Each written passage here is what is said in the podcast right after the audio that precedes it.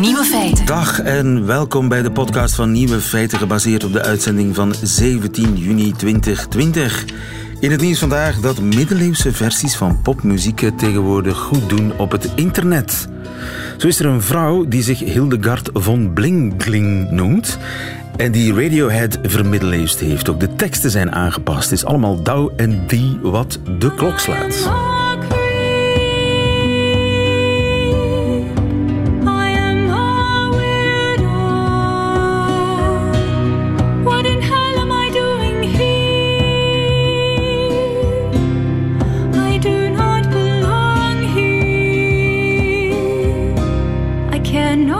Te zien op YouTube. De trend heeft al een naam. Bardcore. Bard met een D, de middeleeuwse versie van de singer-songwriter. Bardcore dus, en sommigen zeggen zelfs taverne wave. Schalmeien en draailieren à volonté. Ook populair is deze horlepiep-versie van I Want to Break Free van Queen.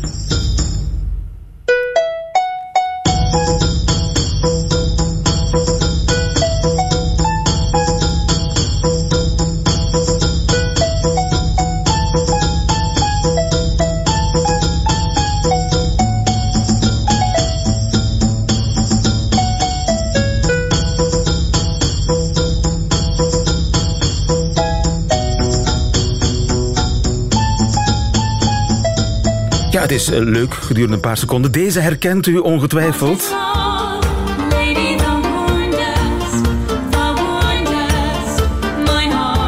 Hathaway, Gloria the 90s en zelfs Michael Jackson is in de teletijdmachine gekropen. Billie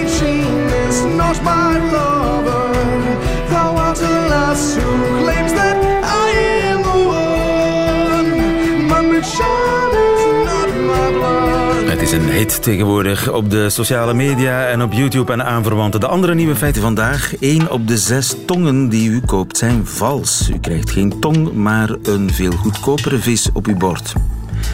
Er is een nieuwe glossy in Vlaanderen. Hij heet Oh God. Niet alleen het R-getal is belangrijk voor de verspreiding van een epidemie, ook het K-getal. En in Engeland dreigt er een Marmite tekort. De nieuwe feiten van Bas Birker hoort u in zijn middagjournaal. Veel plezier. Nieuwe feiten. Radio 1. Als u op restaurant Tong bestelt of in de winkel, dan eh, heeft u een kans van 1 op 6 dat u geen tong krijgt, maar iets goedkopers, een goedkopere vis. Dag Sophie, goedemiddag. Goedemiddag. Sophie de Rijke, jij bent specialiste marine genetica van het uh, ILVO, het Instituut voor Landbouw, Visserij en Voedingsonderzoek. Eén op de zes tongen is vals, blijkt uit analyse. En bij kabeljauw bijvoorbeeld valt het nog mee, daar is het 1 op de 50. Met welke vis wordt er eigenlijk het vaakst gesjoemeld? Natuurlijk de uh, duurdere vissen zijn um, het meest interessant om mee te sjoemelen. Um, en ook vissen die verwerkt zijn, waarvan we dus niet meer de volledige vis kunnen herkennen, uh, zijn het meest um, beschikbaar eigenlijk om te frauderen. Ja, ja. En wie fraudeert er eigenlijk? Zijn dat de restauranthouders? Zijn dat de winkeliers? Of waar ergens in de keten gebeurt de fraude? Wel, dat is het mooie aan ons onderzoek. Eigenlijk voorheen dachten we vooral dat dit gebeurde op het niveau van de restaurants. Maar nu blijkt dat dat eigenlijk in elke stap van uh, de visproductieketen kan gebeuren. Dus zowel bij de internationale handelaars, maar ook bij versnijders, bij verwerkingsbedrijven bijvoorbeeld, bij groothandelaars, maar zeker ook bij de kleine supermarkten, de winkels en de restaurants. Iedereen fraudeert evenveel. En ik, de kans op een valse vis is even groot in het warenhuis, de viswinkel of op restaurant. Um, ja, dat klopt inderdaad. Ja. Maar afhankelijk van de vissoort zien we wel degelijk grote verschillen. Hoezo? Bij tong bijvoorbeeld, uh, tong die als we dit op restaurant uh, kopen, bestellen we vaak to uh, tong in botersaus, waarbij je de volledige vis nog ziet. Maar als je bijvoorbeeld tongrolletjes en roomsaus, een tomatenroomsaus gaat bestellen, dan zien we dat het percentage daar wel hoger oploopt. Bijvoorbeeld in supermarkten ehm, voor tong vonden we wel een fraudepercentage van 20% 20% nog meer eigenlijk. 1 op 5 ja. In supermarkten. Ja. Bij supermarkten, ja. Uh, weliswaar bij de verwerkte uh, producten. Hè. Dat is uh, altijd de focus geweest. Dus als je van het moment dat je eigenlijk een maaltijd aankoopt, waarvan dat je de vis niet meer volledig kunt herkennen. Tongrolletjes um, in tomatensaus bijvoorbeeld? Voilà, voilà. Ja. Dan is de kans redelijk groot. Ja, 1 op 5, ik vind dat redelijk veel eigenlijk. Ja, voor tong uh, is het inderdaad natuurlijk voor kabeljauw bijvoorbeeld. Voor kabeljauw hebben we ook uh, bereide maaltijden en daar vinden we in supermarkten uh, heeft, vinden we eigenlijk niks van uh, fraude terug. Dus het is echt afhankelijk van, van vis welke vis. Zelf. Ja. En als je geen tongrolletje krijgt, wat zit er dan wel in het rolletje? Nog altijd platvis. Dus ehm, het zijn wel nog altijd vissen ja, het zijn nog altijd platvissen zoals school of uh, tongschar of scharretong. Um, uitzonderlijk uh, vonden we ook een Senegalese tong, die eigenlijk dus niet op onze uh, Belgische visserij, door onze Belgische visserij wordt gevangen. Maar de vervangen producten zijn wel degelijk nog altijd platvissen. En bij kabeljauw zien we eigenlijk hetzelfde. Als er daar fraude optreedt, wordt het vervangen door kabeljauwachtigen. Dus nog altijd witte vis met stevig uh, spierweefsel. Ja, en veel mensen gaan het niet eens proeven. Nee, inderdaad. Ja. Maar nu is er een databank, een DNA-databank ontwikkeld waarmee jullie op controle gaan. We hebben inderdaad de eh, DNA-databank um, verder aangevuld met alle vissoorten die op de Europese markt verhandeld worden uh, en die dus kunnen gegeten worden door de consumenten. We hebben al die vissen opnieuw ingezameld en laten identificeren door uh, experten, dus die echt zeer betrouwbaar kunnen zeggen dit is deze vissoort. En van die soorten hebben wij de DNA-profielen bepaald en dat allemaal in een publiek database gestoken. Waardoor dat we nu de DNA-methode, die al uh, vaak toegepast wordt voor allerhande studies, nu eigenlijk kunnen zeer betrouwbaar gebruiken. Want de essentie van dat, die DNA-profielen zijn natuurlijk de databank met DNA-profielen waar de correcte naam aan verbonden is. Maar gaan er ook echt controleurs op pad gaan om in supermarkten, restaurants, etc. stalen te gaan nemen? Wel, wij bij ULVO doen dat niet. Wij zijn wetenschappers. Uh, maar er zijn wel degelijk uh, controleurs op pad. En uh, die dan vooral in naam van de federale overheid eigenlijk uh, controles uitvoeren. En het is vooral voor hen natuurlijk nu belangrijk dat die database zo betrouwbaar is. waardoor dat de resultaten die met die DNA-profilering bekomen worden ook echt wel heel accuraat zijn. Ja, de fraudeurs zijn bij deze gewaarschuwd. Dankjewel Sofie de Rijken. Goedemiddag. Dag. Nieuwe feiten. Altijd benieuwd. Zou kerk en leven concurrentie krijgen? Ik vraag het mij af, want in vele katholieke huisgezinnen ligt tegenwoordig een glossy magazine op de salontafel. Dat heet Oh God. Van Vlaamse makelij, Koen Vlaming, goedemiddag. Goedemiddag. Je bent de hoofdredacteur hè, van Oh God. Of hoe moet ik die titel uitspreken eigenlijk? Dat is helemaal juist. Ik ben inderdaad hoofdredacteur in eerste instantie van de website uh, Kerknet. En we hebben nu inderdaad beslist om een magazine uit te brengen. Maar helemaal niet in uh, concurrentie met uh, Kerk en Leven. Ook. Ah nee, want daar heb jij ook van alles mee te maken met Kerk en Leven. Klopt, dat zijn heel fijne collega's. Dus het is een aanvulling op Kerk en Leven. Wat staat er in Oh God. Ik zeg maar Oh God, hè. het is toch niet Oh God, hè? Oh God, oh God mag ook. Je mag het allebei zeggen. De, de, beide kunnen, ja. En wat staat er in Oh God dat niet in Kerk en Leven staat? Wel, we hebben eigenlijk geprobeerd, uh, ook in uh, volle coronacrisis, als mensen veel minder naar buiten uh, kunnen, of misschien minder snel op reis zullen gaan, om een soort al-in vakantie naar het innerlijke of naar het binnenste aan te bieden. En wat wij willen doen, is eigenlijk um, het, uh, het, spreken over wat mensen bezielt, uh, van waaruit ze leven. En in ons geval vanuit de christelijke traditie, om dat te laten zien aan mensen. Omdat er dikwijls zo weinig over gesproken wordt. Het is al haast een, uh, een taboe in onze samenleving. En we hebben eigenlijk laten zien aan de hand van verschillende getuigenissen, bijvoorbeeld aan de hand van een getuigenis van Patrick van der Vorst, die beslist op latere leeftijd om priester te worden, op welke manier dat die bezieling of die christelijke inspiratie een grote rol spelen in een dagelijks leven en doen. Ja. hetzelfde geldt voor iemand als Jean de Vos bijvoorbeeld. Ja. Je, je neemt het woord taboe in de mond. Is God een taboe geworden?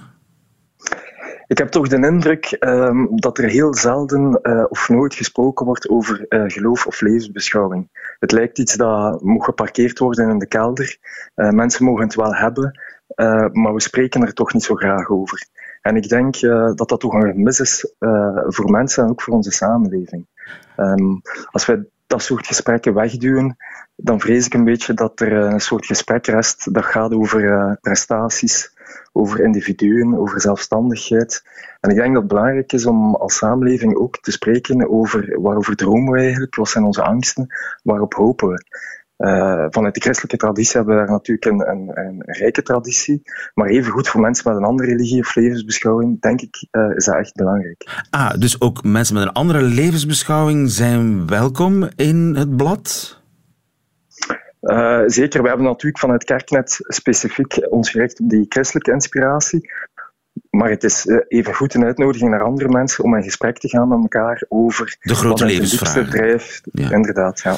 En dus een interview met een, een kritische stem of met een, ja, een twijfelaar of een afvallige, dat kan allemaal. In ons blad nu, in dit magazine, zijn de verhalen eigenlijk zeer uh, divers. We vertrekken eigenlijk vanuit waarheid, goedheid en schoonheid als uh, wegen naar het geloof. Uh, of als uh, toch thema's die een grote rol spelen bij levensvragen. En wat zichtbaar wordt, is dat mensen daar, dat dat dikwijls geen rechte wegen zijn, dat dat kronkelwegen zijn, dat daar twijfels ook uh, bij gepaard gaan. Dus het is een divers, uh, divers aantal uh, mensen die getuigen, maar wel telkens vanuit die christelijke inspiratie. Vanuit die christelijke inspiratie. En is er een soort van instantie die over jullie schouder meekijkt en die zegt, ja maar, ja, maar wacht eens even, dat is toch niet conform de, de leer van Rome, dat moet eruit? Nee, er is geen enkele instantie die over onze schouder meekijkt. Wij laten eigenlijk gewoon de mensen een verhaal zelf doen.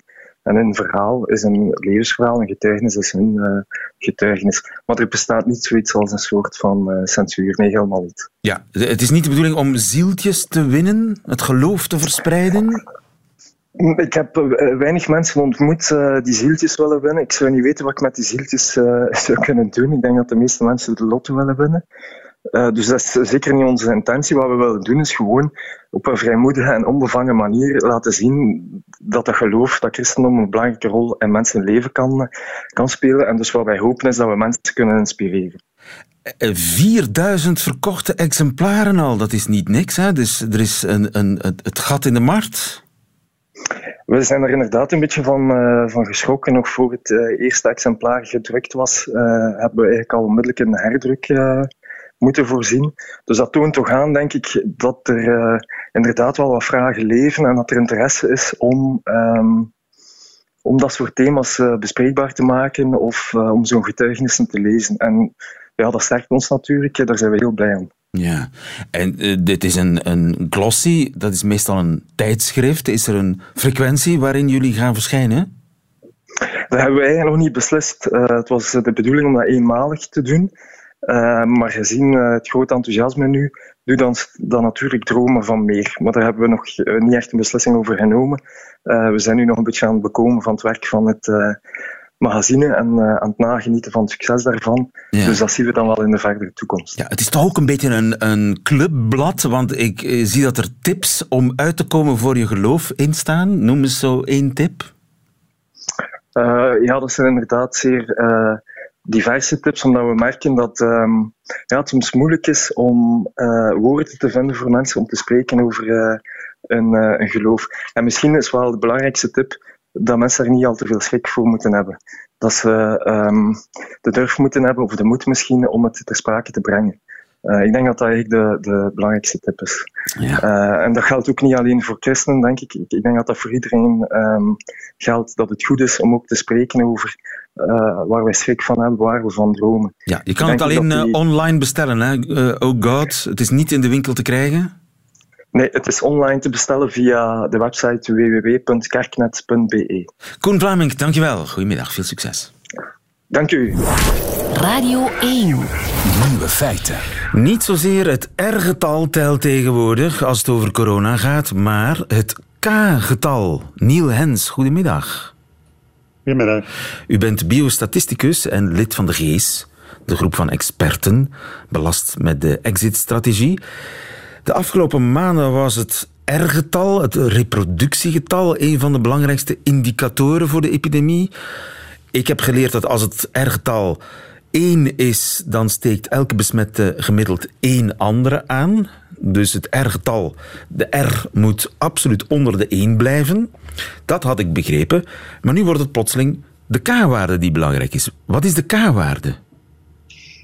Wel, eerst en vooral, ik denk dat de R-waarde belangrijk blijft. Ehm, maar de R-waarde, zoals je al aangaf, is een gemiddelde. Dus gemiddeld gezien gaat één persoon één andere persoon uh, bijvoorbeeld besmetten. Wel, die k-waarde, um, of beter die r-waarde, is een gemiddelde, maar daar zit er eigenlijk variatie op. Ja, ja we hadden het over de r-waarde tot nu toe. Hè? Ja, dus het ja. moet, als, als, als het onder de 1 blijft, dan dooft de epidemie langzaam uit.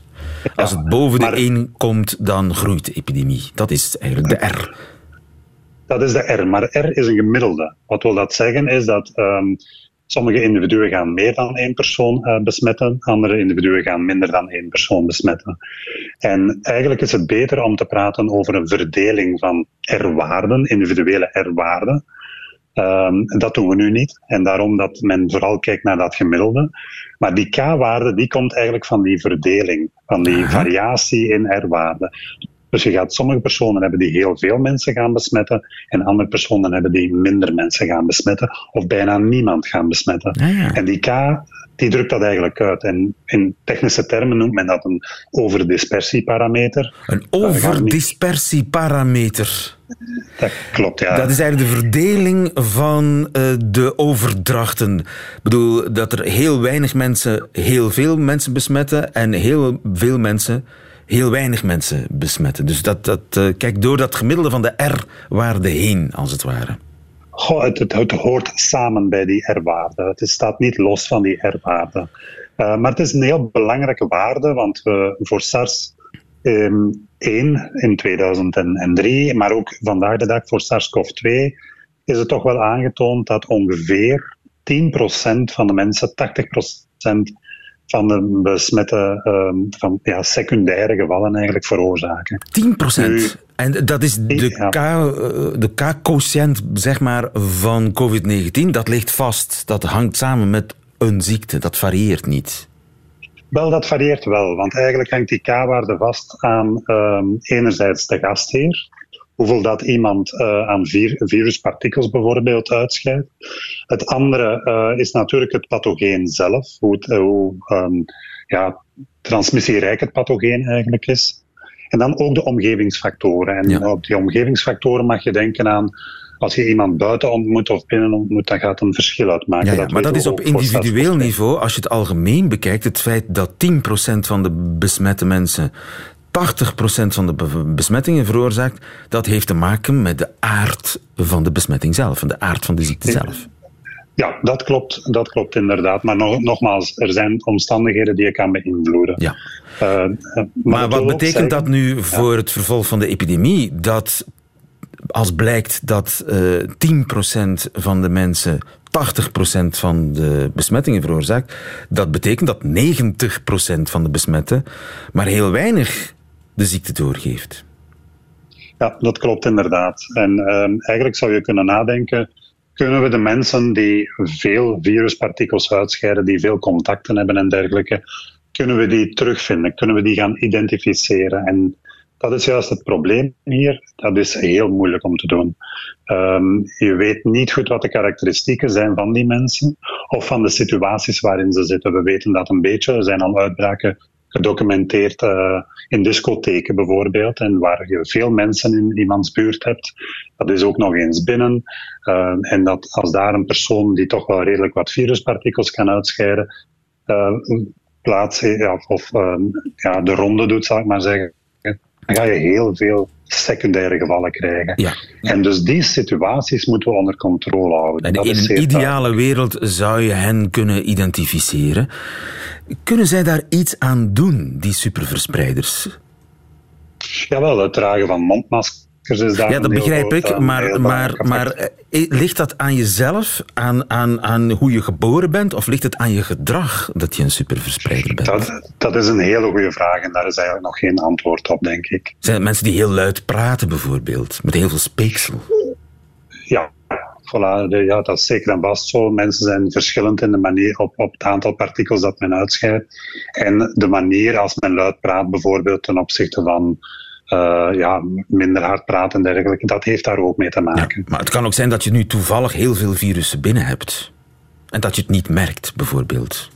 Ja, dat klopt. Ja. En, en zeker ook voordat je symptomen hebt, bijvoorbeeld. En dat maakt het dan des te uitdagender om juist die mensen, ja, om die verspreiding daar te stoppen. Ja. Maar door het feit dat we met zo'n K-situatie zitten, waarbij heel weinig mensen heel veel besmettingen veroorzaken en dus heel veel mensen heel weinig besmettingen veroorzaken, dat is eigenlijk strikt genomen goed nieuws. Want dat betekent dat mochten we makkelijker die superverspreiders lokaliseren, dat we nooit meer met z'n allen in lockdown moeten. Dat klopt inderdaad, maar ja, de, uw eerste deel van de zin geeft eigenlijk aan, eh, mochten we die kunnen identificeren.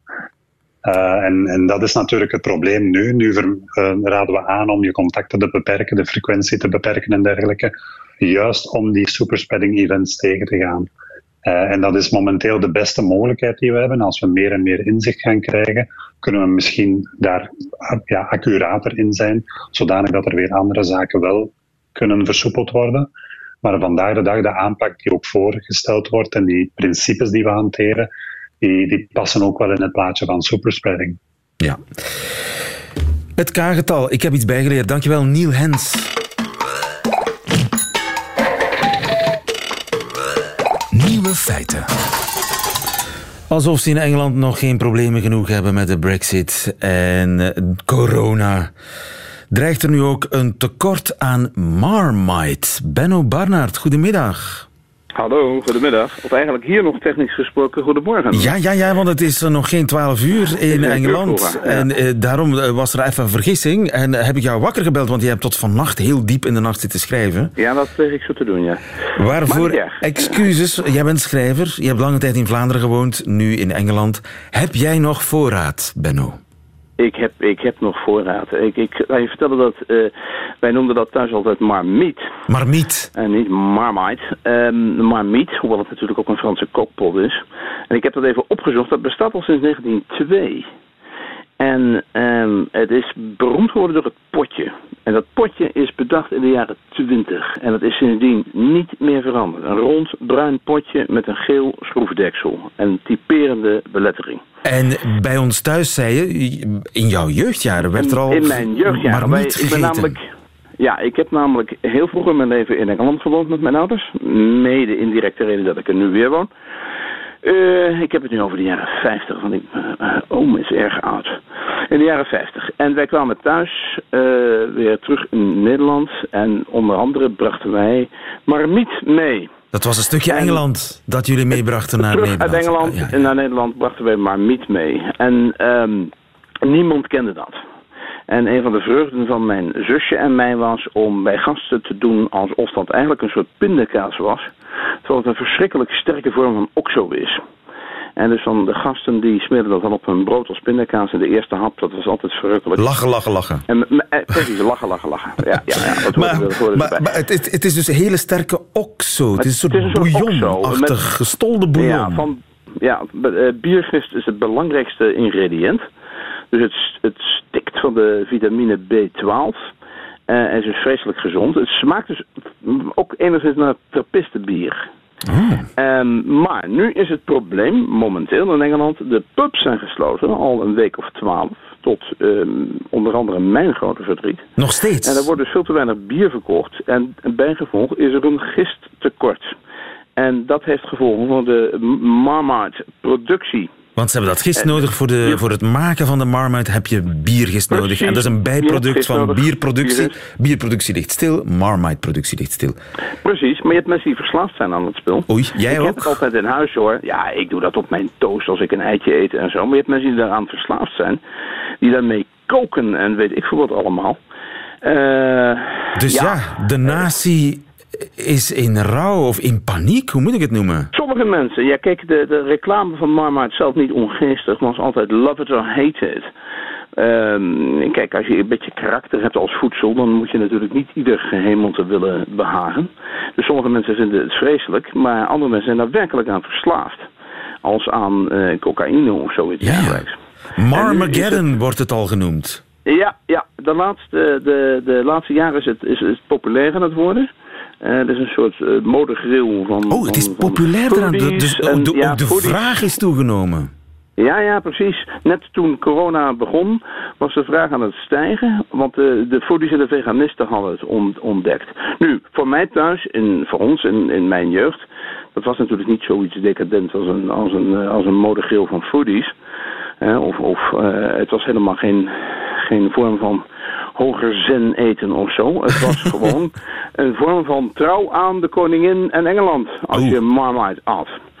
Zo was dat. Het was Het allemaal was een kwestie van vaderlandsliefde. Van anglofilie. Anglofilie en, vader, en vaderlandsliefde, God save the Queen en Precies, eet smakelijk. Zo hoort dat, eh, als een scherts over Engeland, daar hoorde dat allemaal, allemaal bij. En enig Ja, maar idee... ik heb altijd, ik heb het nagekeken, ik heb nog drie potjes in de kast staan. Drie potjes, ik ben zo blij voor je. Maar drie potjes, hoe, lang doe, je- hoe lang doe je er met drie potjes? Ja, zo'n potje daar. Ik doe daar zes maanden mee, dus er is niks aan de hand. Oh, oké. En En dat, je... dat potje op is, is er een vaccin dus. eh. Misschien is, dat, is de inhoud wel een vaccin. Dat weet ik nog niet. Dat niet zou getest. best kunnen. Dat, eh, dat is een, een wetenschappelijke hypothese waar zeker drie doctoraten in zitten, volgens mij. Dat Marmite zou kunnen helpen tegen alle, allerlei kwalen. Volgens mij helpt het tegen alles. Het helpt, het helpt volgens mij ook tegen alles. En eh, mocht de productie niet opnieuw op gang komen, dan zullen er demonstraties zijn in Westminster. En eh, dan zal ik daaraan meedoen. En op mijn bord zal staan, I can't eat. nou, dat is een slechte grap. Foei, getest voor bijna goede smaak. Oei, Benno, Benno. Goed, is eet smakelijk vooral, want het is bijna middag en niet zo lekker als een geroosterd broodje met een likje Marmite natuurlijk. Dankjewel. Ja, Dag Benno. Bye.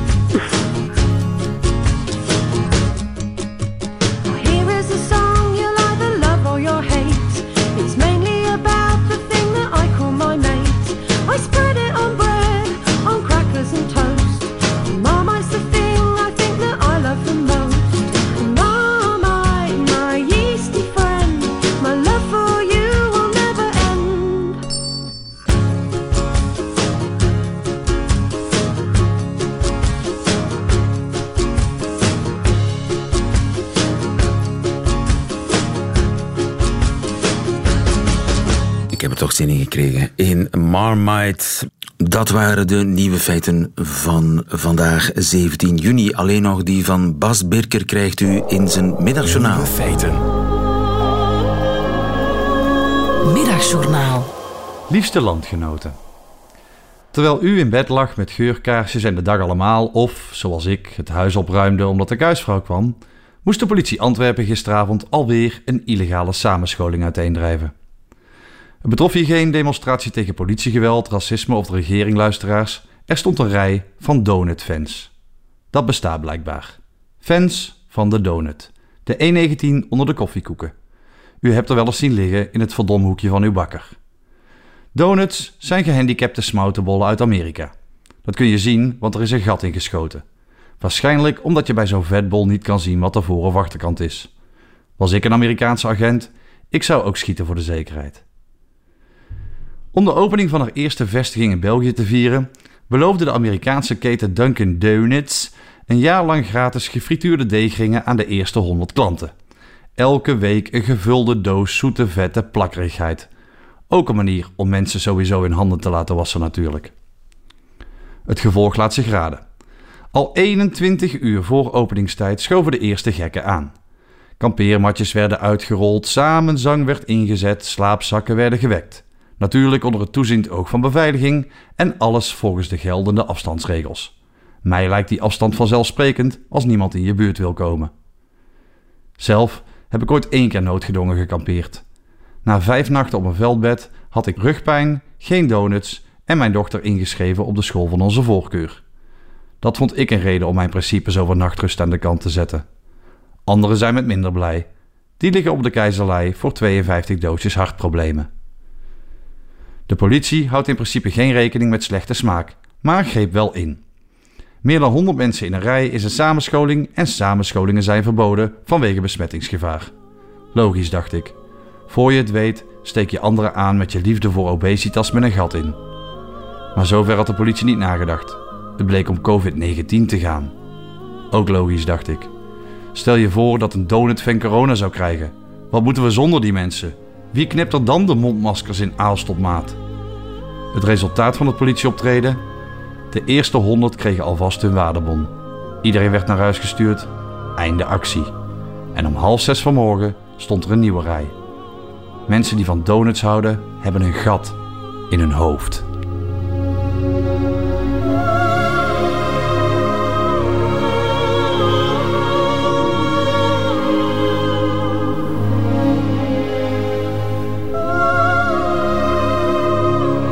Bas Birker, de stand-up comedian, de Nederlander die al heel lang in Antwerpen woont in het Middagjournaal. Einde van deze podcast. Hoort u liever de volledige uitzending van Nieuwe Feiten, dan kunt u terecht op onze site of op onze app. Veel plezier daarmee en tot een volgende keer.